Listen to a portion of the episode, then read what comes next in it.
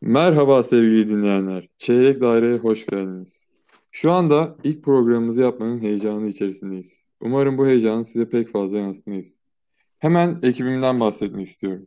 Bir tarafımda coğrafya kaderdir sözünün karşılığı. Avrupa'da, Amerika'da, Brezilya'da da olsa değeri milyonlar olacak ama Türkiye'de değeri bilinmediği için jübilesini futbola başlamadan yapmış Enes Berk Yüceter. Öteki yanımda yeşil sahaların Gasparov'u. Minyatürde ve halı sahada yapmış olduğu müthiş taktiklerle bir nesli kendine hayran bırakan Beytullah İpşir. Ve ben mikrofonda spikeriniz Yiğit Hakan. Bu programda A'dan Z'ye futbola dair her şeye yer vereceğiz. Transfer haberlerinden maç analizlerine, skor tahminlerinden futbolun enlerinde, hakem hatalarından tribün bestelerine. Yani kısacası çeyrek daire futbol demektir. Sözü daha fazla uzatmadan Enes'e aktarmak istiyorum. Enes hoş geldin. Hoş bulduk Yiğit. Teşekkür ederim övgülerin içinde. Sağ olasın. ee, ben de şöyle başlayayım söze. Ee, tabii bu e, podcast işi daha doğrusu yani uzun zamandır hem istediğimiz e, plan e, plan döneminde çok düşündüğümüz bir proje. E, bugüne e, yapmak nasip oldu. Öncelikle e, dinleyicilerimize sesleniyorum. İlk yayından dolayı biraz heyecan veya takılmalar olabilir. E, lütfen mazur görün. Teşekkür ediyorum. E, ben de biraz Beytullah'tan duymak istiyorum. Beytullah. E, merhabalar Enes'ciğim. Öncelikle ben de burada olduğum için e, çok mutluyum. Böyle bir programda tabii eski teknik direktörlük anılarımdan bahsetmem istiyorum. E, güzel bir yayın olacağına inanıyorum. Ve sözü tekrar Yiğit'e bırakıyorum. Evet, bu hafta yani bu haftalarda futbol gündemi epey bir yoğun. Transfer sezonu başladı. Yarın derbi var. O yüzden konuşacak epey bir konumuz var. Tabii yarın derbi evet. sonrası yayını da yapacağız. Bugün de bahsedeceğiz derbiden birazdan. Ama bu hafta zaten çok fazla Beşiktaş Galatasaray konuşulacak. O yüzden ben Fenerbahçe ile başlamak istiyorum. Sezona yaz transfer döneminde zaten damgasını vurmuştu Ali Koç ve ekibi. Hani 18 tane adam aldılar. Bir de şimdi belki son 10 yılın en büyük transferi Mesut Özil. Yani çok büyük futbolcu. Müthiş şeyler katabilir Fenerbahçe'ye. Ama acaba patlar mı? Yorumlarınızı almak istiyorum. Enes sözü sana tekrardan aktarıyorum. Ya evet e, Mesut Özil tabii ki de her ne kadar e, son bir iki dönemdir e, futbol oynamamış veya az süre almış olsa da sonuçta e, klasını veya kalitesini tartışmaya gerek olmayan bir futbolcu. Yani Fenerbahçe'ye ne katabilir? E, er, Erol Bulut'un bu oyun sistemlerine getirebilir diye düşündüğümüzde şu an Mesut hazır gelirse e, formaya hazır formunda gelirse e, büyük ihtimalle 4-2-3-1'in 10 numarasında Erol Bulut'un değerlendirir. E, solda Kian veya Pelkas sağda Pelkas veya Valencia şeklinde yani varyasyonlar oluşturabilir.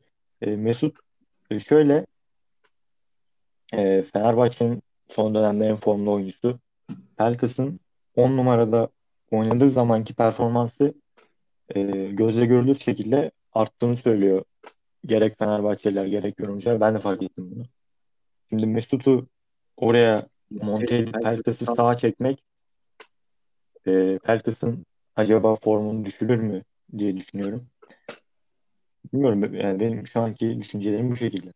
Evet ki yani Mesut öyle olacak yani hani Pelkas ne kadar iyi olursa olsun Mesut geldiğinde alacak onun yerini Pelkas'ı daha bir yan mevkide oynatmak zorunda kalacak Erol Hoca. Betro sen nasıl değerlendiriyorsun? Fizik olarak eksikliğini hissettirir mi Mesut Özil? Bir yıldır oynamıyor çünkü. Ee, tabii ki Premier Lig'le Süper Lig arasında çok büyük farklar var. Bence bu fiziksel e, dezavantaj çok önemli değil Süper Lig'de. Bunu kapatabilir. Özellikle Fenerbahçe'de iyi bir orta saha kurgusu olacak gibi duruyor. E, arkalarında Gustavo, yanında Ozan Tufan. iyi bir e, üçlü var. Bence Pelkas'ın e, formunu düşürmesinden ziyade onu geliştirecektir. E, paslaşmalarıyla iyi anlaşacaklarını düşünüyorum. Ama orada Ferdi Kadıoğlu'na e, forma şansı çok azalacak. En çok üzüldüğüm e, nokta da bu. E, bunu belirtmek istiyorum ve e, son 10 yılın en iyi transferi diyorsun ama bence bir Snyder, Drogba efekti yapacağını düşünmüyorum. Evet onu zaman gösterecek ya bakalım. Daha bir bence Mesut en azından 2-3 sezon daha yani şu geldiği andan itibaren 2-3 sezon daha iyi bir performansla oynar. Yaşı çok ileri değil. Bir de o dediğin gibi Ferdi gibi hani Fenerbahçe'de şu an bir sürü oyuncu var. Mesela Mert Hakan var. Onun dışında daha şu an adını sayamadım. Bir sürü yerli genç oyuncu var. Hani bunların önü kesilecek. Fenerbahçe ne yapması gerek? Kiralık mı vermeli sizce? Düşünceleriniz ne bu konuda? Ya, e, şöyle düşünüyorum. E, yabancı sınırı 14'ten 16'ya çıktı bildiğiniz gibi bu hafta.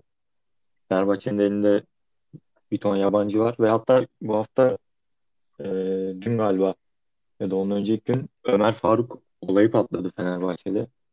E, Ömer Faruk Emre Belezoğlu Fenerbahçe'nin sportif direktörü Ömer Faruk'un sözleşme uzatmaya yanaşmadığını söyledi çok uzun zamandır ki Ömer Faruk da birçok otorite tarafından inanılmaz potansiyelli gösteriliyor.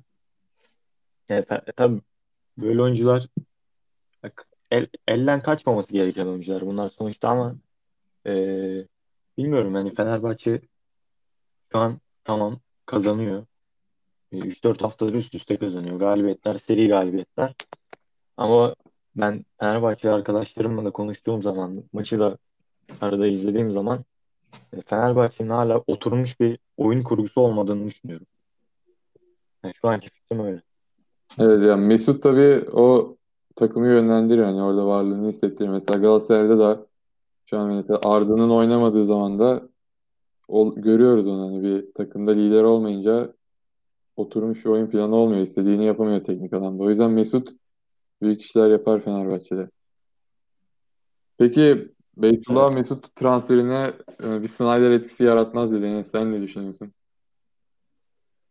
Ya Snyder şöyle Snyder geldiğinde Galatasaray Avrupa'da şeyden e, gruptan çıkmıştı Şampiyonlar Ligi'nde gruptan çıktı ve Snyder şey Drogba ile beraber geldi yanlış hatırlamıyorsam öyle değil mi? Evet.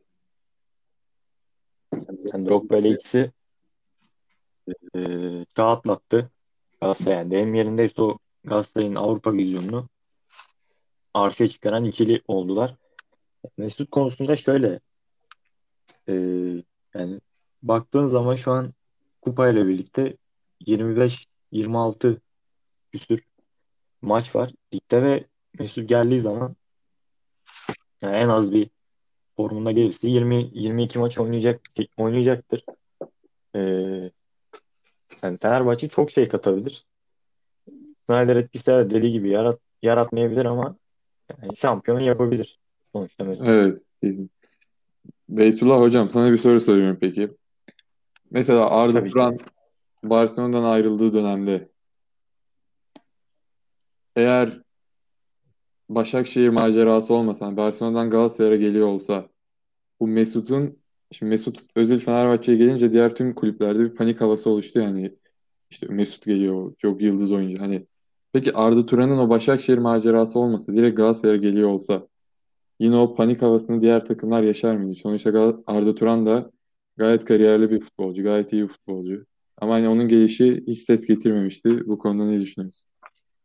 E, aynı şey olmaz çünkü Arda Turan kendine iyi bakmadı Barcelona'da. E, 10 kiloya yakın kilo aldı ve e, ayakta duracak hali yoktu hali hazırda. Başakşehir'de de gerçekten iyi bir performans gösteremedi.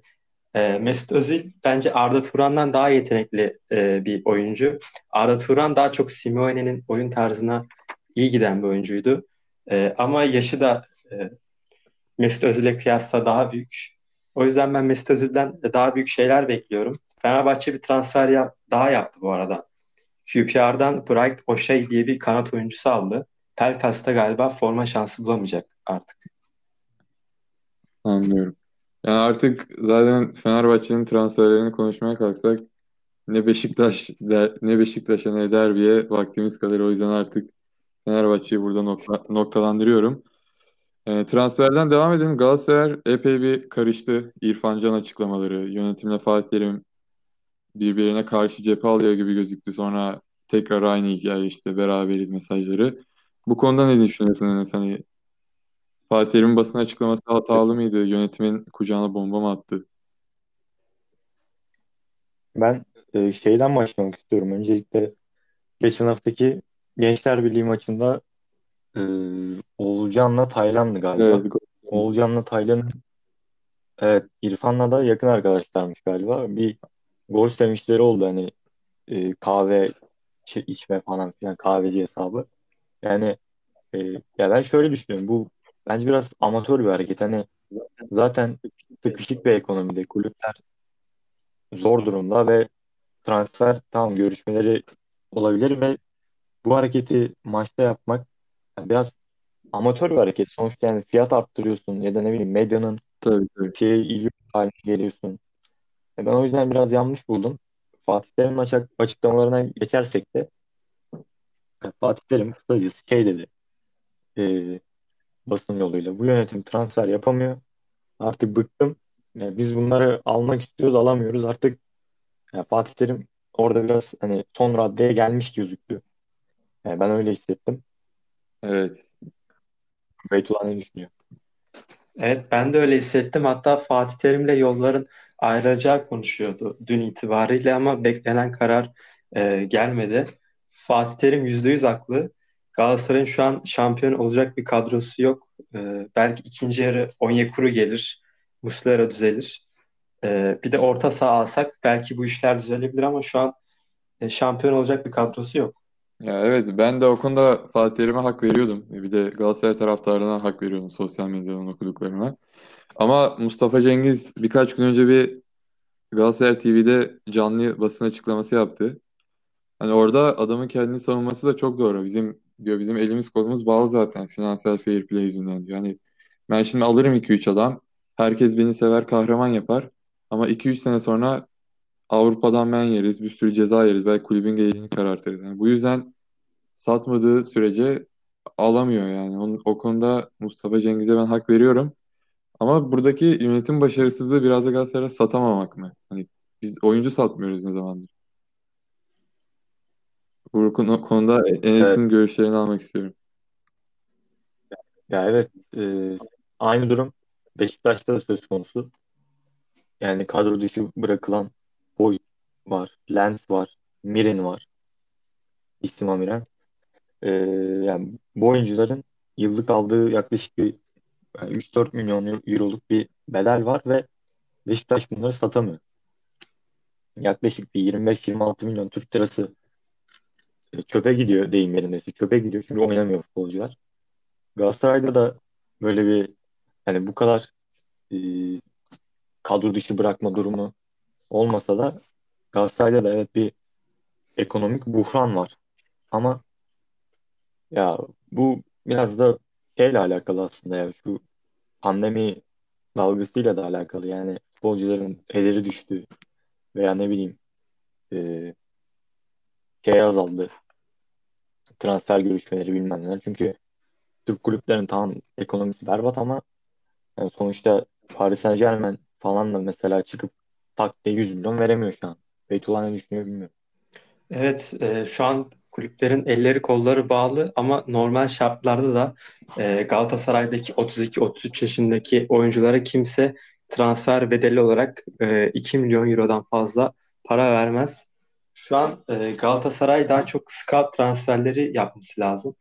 E, bildiğim kadarıyla Mısır'dan bir oyuncuyla görüşüyorlarmış. Bir santrofor. Ama ondan da 5 milyon euro istiyorlar. Galatasaray'ın bunu vereceğini zannetmiyorum. Yani mesela Bakalım. Falcao'ya Mustafa Cengiz dedi Falcao'ya teklifler gelmiş Arap Yarımadası'ndan galiba. Adam gitmek istemiyorum demiş. Yani haklı burada dünyanın parasını kazanıyor. İstanbul gibi müthiş bir şehirde yaşıyor. O yüzden hani alırken de onu almanın hatasıydı. Buradaki alırken de yönetim niye aldı Falcao'yu? Tamamıyla taraftar için aldı. Taraftar gazına geldi. Evet orada almasaydı yönetimin geleceği hani Aynen. aslında taraftar baskısından dolayı kendini bu duruma soktu. Ama şimdi taraftar baskısının istediğini de yapamıyor. Gene kaybeden yönetim oldu yani. Evet. Peki İrfan'ı alması mümkün mü Galatasaray'ın sizce? Bence mümkün değil yani. İrfan almak için en az 10 milyon euro vermesi lazım. Yirmi- İrfan da 26-27 yaşında bir oyuncu. Bence o kadar para vereceğimize İrfan'dan daha iyi bir e, yabancı orta saha oyuncusu buluruz. Yani en kötü kiralarız. Peki Göksel Gümüşdağ veya Başakşehir'deki yöneticiler Fatih Terim'e bir kıyak çekmek için yollar mı İrfan'ı? Hiç zannetmiyorum. Çünkü e, Başakşehir sahipli bir kulüp ve artık Köksal Gümüşdağ da Galatasaraylı olduğunu düşünmüyorum. E, Galatasaraylılığını da bıraktığını açıklamıştı. Kongre üyeliğinden istifa etmişti. Böyle bir şey yapacağını düşünmüyorum yani. Anlıyorum. Peki Beşiktaş'a dönelim. Mandzukic transferi ne durumda? Enes var mı bilgi? E, Mandzukic şöyle e, son bir haftadır özellikle çok geldi gelecek at, attı imzayı atacak haberleri çok çıktı.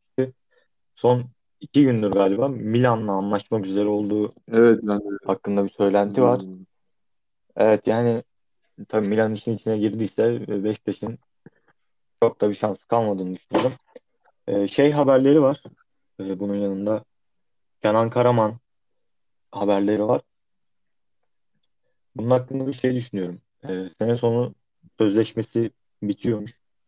Ee, Beşiktaş e, şu an ya 6 ay sözleşmesi kalmış. Şu an cüzi bir miktar teklif etmiş. Galiba e, kabul görmemiş. Sene sonu imza attıracak bedava ediyorlar. Ya bence özellikle seneye de yabancı sınırın gelmesiyle iyi bir alternatif olacağını inanıyorum. Ama dediğim gibi Mandzukic işi yaptı galiba. Peki Beşiktaş'ın bu santrafor ısrarı neden? Larin ve Abubakar leblebi gibi bir gol atıyor yani. Ne yapacaklar yeni bir santrafor? Ee, ya şöyle Abubakar ya biliyorsun gelmeden önce son iki, sez iki sezonda bir 20 falan maça çık- 20 maça çıkmıştı. Ve dizinden de çok ciddi bir sakatlığı vardı. İşte hatta performansa dayalı bir sözleşme imzalamış Beşiktaş'ta.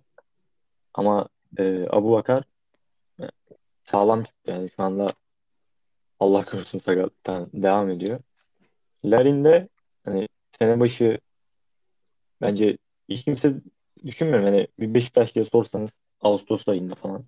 Larin bu sene Ocak ayına kadar 10 tane gol atar falan. Yani gol krallığında zirvede olur deseniz kimse inanmazdı. Evet. Sergen Yalçın e, efekti aslında bu. Bir de şöyle dediğine geleyim. Neden santrofor? Şöyle. Dediğim gibi 25 küsür maç var. Daha ligi yarılamadık bile. Ve e, biliyorsun koronası var bunun ne bileyim sakatlığı cezası falan. O yüzden e, eğer cüzi bir miktara anlaşılırsa santrafor gelmesini ben de istiyorum açıkçası. Anlıyorum. O zaman yavaş yavaş derbi tahminlerine geçelim. Beyto nasıl bir maç bekliyorsun? Neler olur? Futbol mu konuşuruz? Ee, Hakem hataları mı? Yoksa hiçbir şey konuşamayacak durumda mı oluruz?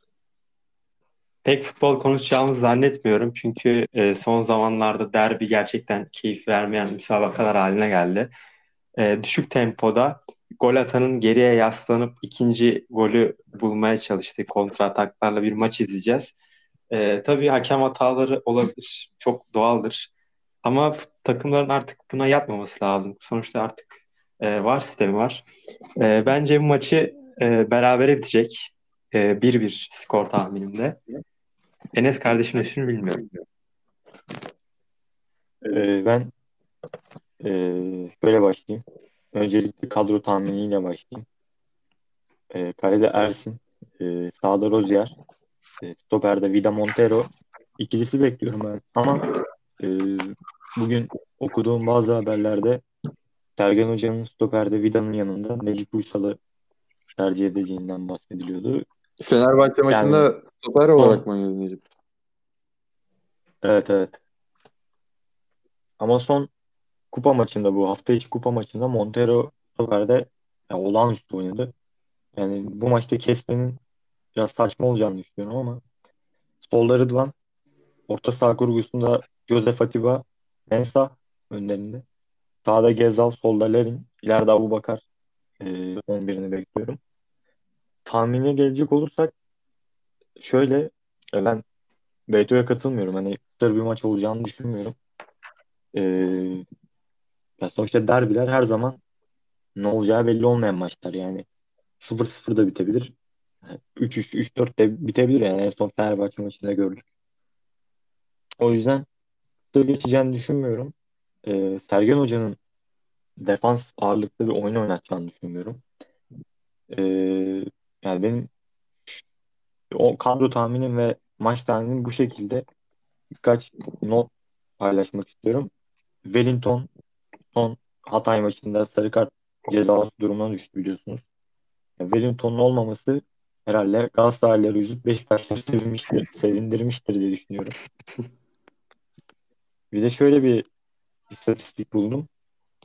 Beşiktaş Galatasaray arasında oynanan son 10 maçta Galatasaray iki kere kazanmış ve kazandığı iki maçta şöyle. Biri 2017-2018 sezonunun son haftalarında yine Türk Telekom Arena'da Beşiktaş'ı 2-0 mağlup edip şampiyonluğu aslında garantilediği maç denilebilir. İkincisi e, ertesi sezon yine aynı zamanlarda Beşiktaş'ı yine 2-0 mağlup edip e, yine şampiyonluğu garantilediği maç Bu sezon yine aynı zamanlarda bunlar aynı aslında- maç oynanacak de. Üçüncüye.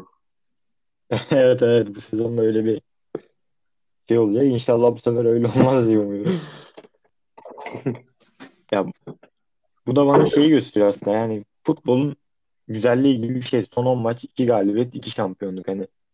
Ve cidden şöyle bir, bir olay var. İki maçı da Beşiktaş kazansa Beşiktaş ilk kere Evet. şampiyon olacak. Derbinin Yani- büyük takımların olayı yani. Beşiktaş yani şampiyon ol diyor bize iki sezondur. Galatasaray'ın da her ne kadar e, tartışılsa da ya, şey winnerlığı var yani.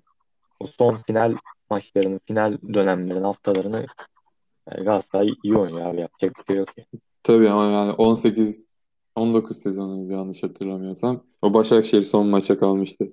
Yani orada o sezon boyu Başakşehir bizden çok daha iyi top oynadı. Ama son maçta biz oynadık hani. Sırf o Fatih Terim'in winner'lık dediğimiz olayından dolayı yani. Öyle şey oldu. Evet. Beyto senin Galatasaray 11'in nasıl derbi için?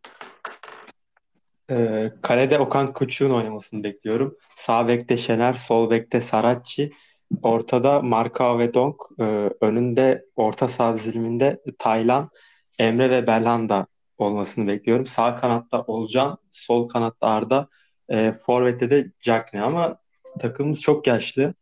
Bunun dışında da 6 tane Türk oynayacak herhalde bugün sahada, yarın. Sevindirici bir haber aslında Galatasaray açısından. Evet. Ama yerli Türk gençlerde bir derbi stresi hatası olabilir mi? Yani çünkü heyecan yaparlar. Eğer seyirci olmasa da Beşiktaş'a karşı oynayacaklar. Onlar için anlam ifade eder. Bence tam tersi gaza gelecekler. Ee, zaten gol sevinçlerinden de görüyoruz. Genelde Türk oyuncular koşa koşa e, Fatih Terim'in yanına gidiyor. Yabancı oyuncular da böyle yürüyerek e, kameraya sallıyor. Bence bence pozitif bir etkisi olacak. Peki Beytullah sen Fatih Terim yerinde olsan sol bekte Emre'yi mi oynatırdın? Saracchi'yi mi oynatırdın? Ee, Saratçı tabii ki güvenilir bir oyuncu ama Emre Taşdemir de e, Ziraat Türkiye Kupası'nda göz dolduran bir performans ortaya koydu. Ondan Ee, önceki ben yine- maçında da çok iyiydi. Evet evet.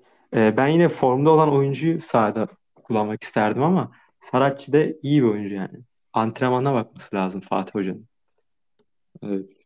Bu hakem Cüneyt Çakır atandı. Cüneyt Çakır hatırlamıyorsam Beşiktaş maçlarına bir yılı yakındır, bir yıla yakın bir süredir atanmıyordu. En son Fenerbahçe maçı vardı. Beşiktaşların yoğun itirazları olmuştu o maçtan sonra. Bizi doğradınız, Fenerbahçe'yi kolladınız diye.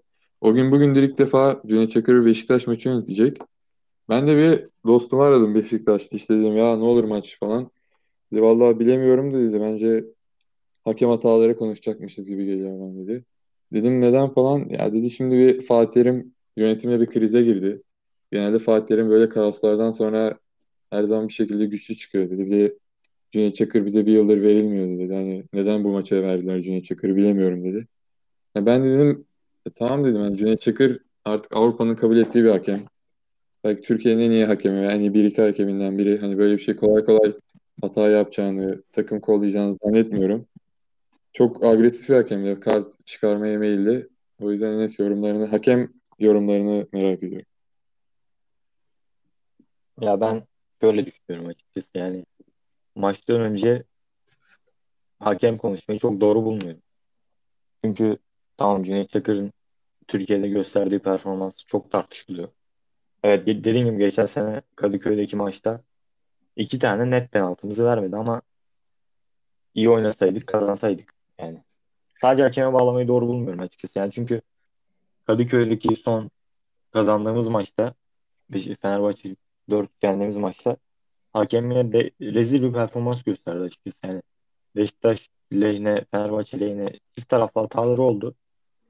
Fenerbahçe Beşiktaş aleyhine daha çok hatası oldu ama yine de e, çift taraflı hatalar yaptı ama yine de yani kazanmasını bildi Beşiktaş. O yüzden hani iyi oynarsan, istersen, yani hazırlarsan takımını hakemi de yenersin, rakibi de yenersin böyle maçlarda. O yüzden ben şu an konuşmayı çok doğru bulmuyorum. Yani sonuçta atanacak açıkçası derbilerde Türkiye'de 2-3 tane hakem var. Fırat Aydınus, Cüneyt Çakır, yani Mete Kalkavan falan. O yüzden şu an çok sağlıklı bulmuyorum. Peki, kırmızı kart tahminin nasıl çıkar mı? Kaç tane çıkar? Aha. E, kavga olarak soruyorsan böyle çok kavga çıkacağını yani oyuncular arasında şiddetli tartışma olacağını düşünmüyorum. Kırmızı kart olarak da e, Markao biraz karta yatkın geliyor bana Galatasaray'da. Beşiktaş'ta da Vida veya Necip. Yani Necip oynarsa kesin kart görür. Rengini bilemiyorum ama yani Markao ile Necip Vida bana karta yatkın oyuncular olarak geliyor. Evet çok gergin bir maç olmasını ben de beklemiyorum. Mesela Fenerbahçe Beşiktaş maçından önce iki kulübün sosyal medya hesapları birbirleriyle çok atışmıştı. Yani resmi hesaplar. Bu maçtan önce öyle bir havaya girilmedi. Çok bir nefret, bir hırs iki takımda da yok. Yani tabii ki de hırs var. Çünkü lideri belirleyecek bir maç bu haftaki maç. Yani Fenerbahçe kazanırsa Galatasaray kazanırsa lider Fenerbahçe, yani Beşiktaş koltuğundan olacak. Yani muhtemelen Beşiktaş kazanamazsa liderliği bırakacak. Büyük olasılıkla bir futbol sürprizi olmazsa. Galatasaray'da yarışta tutunmak için kazanmadı. O yüzden çok önemli bir maç. Betula sen ne düşünüyorsun hakem konusunda? Maçın sertliği konusunda. Hakem konusu e, maçın çok sert geçeceğini düşünüyorum. E, Cüneyt Çakır tabii ki tartışacak bir maç yönetecek. Çünkü böyle maçlarda oynatmak çok zor. Özellikle çok sarı kart çıkacağını düşünüyorum. Ama artık e, VAR sistemiyle birlikte kritik kararları hakemler istediği zaman e, videodan izleyebiliyor. Çok büyük bir avantaj. E, ne kadar çok savunmasam da sonuçta hakem hatalarını en aza indiriyor. Bence hakem maç izlemeyeceğiz. Yani düşük tempoda olacak ama hakem hata da yapabilir ama 1-1, 2-2 gibi e, düşük skorlarla maç bitecek. Onun dışında Fenerbahçe şu an ikinci yani o kadar kötü söylesek de ikinci sırada ve Beşiktaş puan kaybederse e, liderliğe yükselecek. O kadar eleştirdiğimiz Fenerbahçe. E, Mesut Özil transferi de geliyor. Bakalım belki şampiyonun en büyük adayı olabilir. Evet, Başakşehir'de şu an skor 1-1. 90 artı 7. dakika oynanıyor. Başakşehir'den ne bekliyorsunuz Evet. bu sezon? Hemen arada onu sorayım sonra derbiye geri döneceğiz. Şimdi E, ben açıkçası Başakşehir'den ben e, baktığım zaman puan tablosuna o 13. sırada e, 22 puanla liderler arasında 13 puan fark var. Yani Başakşehir'den çok bir şey beklemiyorum açıkçası çünkü Şampiyonlar Ligi'nde e, çok yoğun bir fikstür. Çok sert ve zor rakipler. Hani girdikleri grup da ölüm grubu derecesinde bir gruptu. Oradan e, bence çok ciddi yaralandığını düşünüyorum Başakşehir'in ve seri mağlubiyetler, puan kayıpları yaşadılar. O yüzden bu sezon Başakşehir'in ilk ilk dörde gireceğini düşünmüyorum. Yani beşinci veya altıncı olabilir ama. Bu sezon 3 büyükler arasında gider diyorsun yani yarış. Aynen ve uzun zamandır böyle bir yani bu kadar yoğun bir yarışta izlememiştik. Evet. Yanlış hatırlamıyorsam. Playoff sezonu 2014 2015 Yok 2014-2015'te de böyle bir yoğun yarış vardı.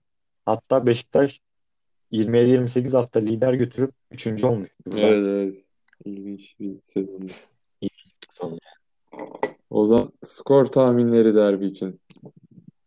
Kaç kaç biter? Enes. Ben e, erken gol gelirse maçın golle geçeceğini düşünüyorum. Yani açıkçası ilk 15 dakikada tabii bir de şöyle bir şey var. Karda şu an bilmiyorum ama e, Vodafone Arena'da durum ne ama kar yağışı altında oynanacağı söyleniyor maçın. Bu maçı etkiler mi, etkilemez mi? E, şöyle Instagram'da ha, buyur. Instagram'da Galatasaray sayfaları Belhanda'nın kafasına Juventus'a gol atan Snyder şoplamaya başladı. Yani kar Galatasaray biraz heyecanlandırdı. ya şöyle seyir zevki artar tabii ki. Yani karda maç izlemekten özellikle derbi izlemek çok zevkli ama oyun kalitesinin düşeceğini düşünüyorum açıkçası. Top duracak, zemin Ben kayacak Marcao'nun ve oynarsa Luyendama'nın Abubakar'a bir gol hediye edeceğini düşünüyorum karlı havada. Zaten pas hatası yapmaya meyilliler. Bir de ıslak zeminden tam hesaplayamayıp kolay bir gol gelebileceğini düşünüyorum. Luyendama yok ama sakat sanırım. Donk oynayacak herhalde. Ee, daha kötü bizim için. Marka bakalım. Neyse göreceğiz. E skor tahmini Enes. Sözünü böldüm kusura bakma. evet, skor tahmini olarak dediğim gibi ilk 15 dakika gol gelirse e, Galatasaray'da Beşiktaş'tan ben bol gollü en az bir 3-4 gollü bir maç bekliyorum ama dediğim gibi 0-0 da bitebilecek bir maç. Çünkü kar yağışı altında çok taktik teknik savaşların yoğunlukta olacağı bir maç. 0-0 bitmesi tabii ki de Fenerbahçe'nin işine yarayacak. O yüzden bilmiyorum açıkçası yani çok eee hamledilemez bir maç gibi geliyor bana. Beytu sen ne düşünüyorsun? Ee, ben de öyle düşünüyorum ama benim görüşüm bu maçın e, seyir zevkinin düşük olacağı yönünde. Erken bir gol beklemiyorum ama olacağı takdirde maç daha da ağırlaşacak bence. Ee, tahminim 1-1 ama erken bir gol olursa e, golü atan takım maçı erken koparabilir bence.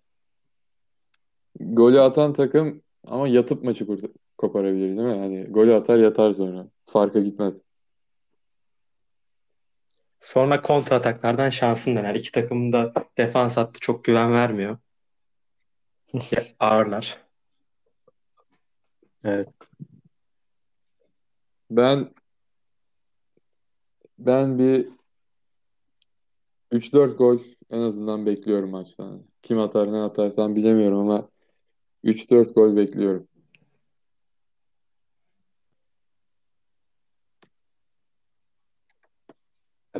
Bir de şöyle eee Fenerbahçe maçında da gördük. Sergen Hoca'nın özellikle büyük maçlara Başakşehir maçı da dahil çok yoğun bir mesai harcadığını düşünüyorum ben. Gerek teknik ekip gerek oyuncularla. İyi analiz ettiğini düşünüyorum büyük maçları ve açıkçası e, bu maçta en çok güvendiğim isim hem Sergen Yalçın Galatasaraylarında büyük ihtimalle Fatih Terim'dir. Kalede Muslera olmadığı için o yüzden böyle düşünüyorum. Bakalım göreceğiz. Umarım futbolun konuşulduğu bir maç olur. Seyir zevki yüksek olur. Son olarak Fatih Terim konusuna değinmek istiyorum. Fatih Terim şu anda hani çoğu otoritenin ve futbol severin kabul ede- edebileceği gibi en başarılı hocalardan biri. Ama şu son bir iki sezonda çok fazla eleştiriye maruz kalıyor. O yüzden Beytullah'a şu soruya soruyor. Şu soruyu yöneltmek istiyorum. Beytullah Fatih Terim bitti mi? Fatih Terim bence eski Fatih Terim ama e, istediği kadro bir türlü kurulamıyor hocanın. E, özellikle istediği transferleri yönetim yapamıyor. Bu yüzden de e, Fatih Terim oyun tarzında hızlı kanat oyuncuları vardır ama Onyekuru'dan sonra bir türlü onu göremedik. E, Forvet Oğuzcan oynuyor şu an kanatta bakıyorum. Diğer kanatta da Arda Turan var. E, mecburen pas oyuna döndük ve artık Anadolu takımları da iyi kapandığı için puan kaybetmeye başladık. Aslında iyi gidiyorduk ya. 5 galibiyet aldık. Sonrasında Konya Spor'a kaybettik. E, Ziraat maçında da beklenen performansı veremedik ama bence e, ikinci dönem e, şampiyon olabiliriz her şeye rağmen. Ben de öyle düşünüyorum ya. Belki şampiyon... Yani mesela Beşiktaş'ın da Galatasaray'ın da şu an kadrosu Fenerbahçe'ye kıyasla epey bir kötü durumda ama hani bence çok tartışmaya açık bir gerçek değil. Sergen Yalçın da Fatih Terim de Erol Bulut'a göre daha büyük bir futbol adamı, daha iyi bir teknik direktör. O yüzden yarış devam edecekse bu üç büyükler yarışa Galatasaray ve Beşiktaş teknik direktörü sayesinde Fenerbahçe kadrosu sayesinde devam edecektir. Ne senin yorumun ne Fatih Terim hakkında? Evet, Fatih Hoca hakkında e, şunu söyleyebilirim. Tabii yani başarılarını her ne kadar e, rakip camialar tarafından çok sevilmese de başarıların tartışmaya gerek olmadığını düşünüyorum sonuçta yani. 8 ve 9 mu 8 mi şampiyonluk sayısı var ve ciddi bir sayı yani bu her ne olursa olsun. E, şu anki durum hakkında da evet yönetim transfer yapamadı. E, ama hani ben Fatih Terim de çok e, hani hak, haklı tamam ama çok da hani yüzde yüz haklı olduğunu düşünmüyorum. Çünkü e, Beşiktaş çok kötü çok daha kötü bir mali durumdaydı bu yaz. Hatta Necip Montero ikilisiyle şey, Fenerbahçe Başakşehir maçlarını arda arda kazanan Sergen Hoca varken hani Fatih Terim tam e, haklı ama hani çok da sadece yönetimde suçu arama, aramaması gerektiğini düşünüyorum ben Galatasaray taraftarının. Bir de şeyde mesela Fatih Terim Galatasaray'da şu an çok büyük bir isim. Hani istese ne yönetim kalır ne futbolcu kalır. Herkesi hani silebilir isterse. Çünkü taraftar en çok onu seviyor. Ve bu gücü kullanıyor hani yönetime karşı açıklamalarında falan. Mesela Sergen Yalçın çıkıyor diyor biz Talisca'yı alamayız diyor. Yani öyle bir dünya yok diyor. Mali tablo var diyor. Fatih Terim diyor ki ben Onyekuru'yu ben İrfan'ı istiyorum alamazsak yönetimin suçu diyor. Hani Fatih Terim yönetimin çok canını sıkıyordur büyük ihtimal. O yüzden ama yönetim de bir şey yapamadığı için bakalım Galatasaray'da bu durum ne kadar böyle gider. Hani bu sezon sonunda bazı şeylerin değişeceğini düşünüyorum. Hani Fatih Terim artık teknik direktörlüğü bırakıp yönetime el atabilir bence.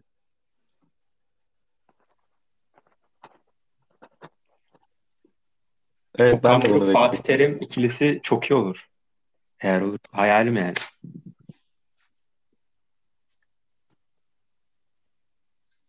Evet aslında şu an Fatih Terim bıraksak kim gelir diye sorsak Galatasaraylılara büyük bir çoğunluk Okan Evet, Buruk evet. der bence. Gerçi o da biraz patladı ama bakalım. Neyse yavaş yavaş programımızı sona erdirelim. İlk programımız geldi. Ha, buyur. Ya. Ben bir de sözünü kestim ama şunu eklemek istiyorum. Sergen Hoca'nın bir ensekala ısrarı var. Ben buna çok rahatsızım. Öncelikle bunu istiyorum. Aşırı rahatsızım. Ensekala ya topçu falan değil abi yani. İzliyoruz. Sergen Yalçın Maçları 90 dakika izliyoruz. futbolculuğundaki kendi eksiklerinin bir yansıması olarak mı görüyor acaba Ensakala'yı? Tam olarak kendisinin tam tersi tarz tam tersi tarzda bir futbolcu. Fa- Sergen teknik bir adamdı ama koşmazdı. Bu da tam tersi. Ayağı yok ama çok iyi koşuyor. Acaba Sergen Hoca gençliğindeki o boşluğu mu doldurmaya çalışıyor? Ya olabilir. Bir de şöyle bir şey var. Ensekala ile Wellington'u yani şu an en çok tartışılan iki futbolcuyu kendisi transfer etti. Bu yüzden de bir Ha, kanıtlama çabası olduğunu evet düşünüyorum doğru. ben. Kendi adamı sonuçta.